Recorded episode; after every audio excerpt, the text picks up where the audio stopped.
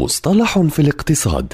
في كل حلقة يطرح المدون وصانع المحتوى الاقتصادي مجدي النوري مصطلحا اقتصاديا محددا بلغة سهلة وبسيطة.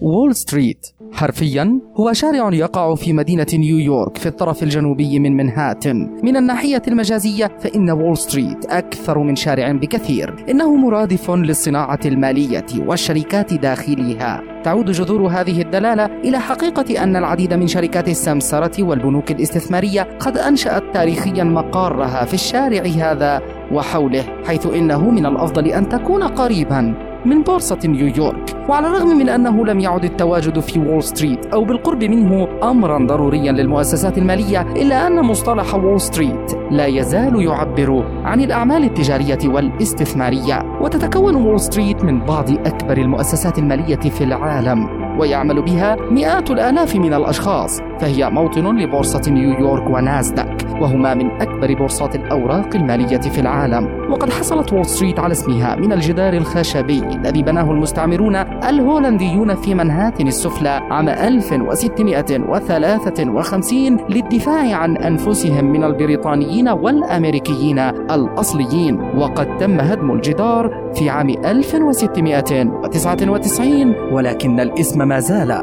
عالقا حتى الآن.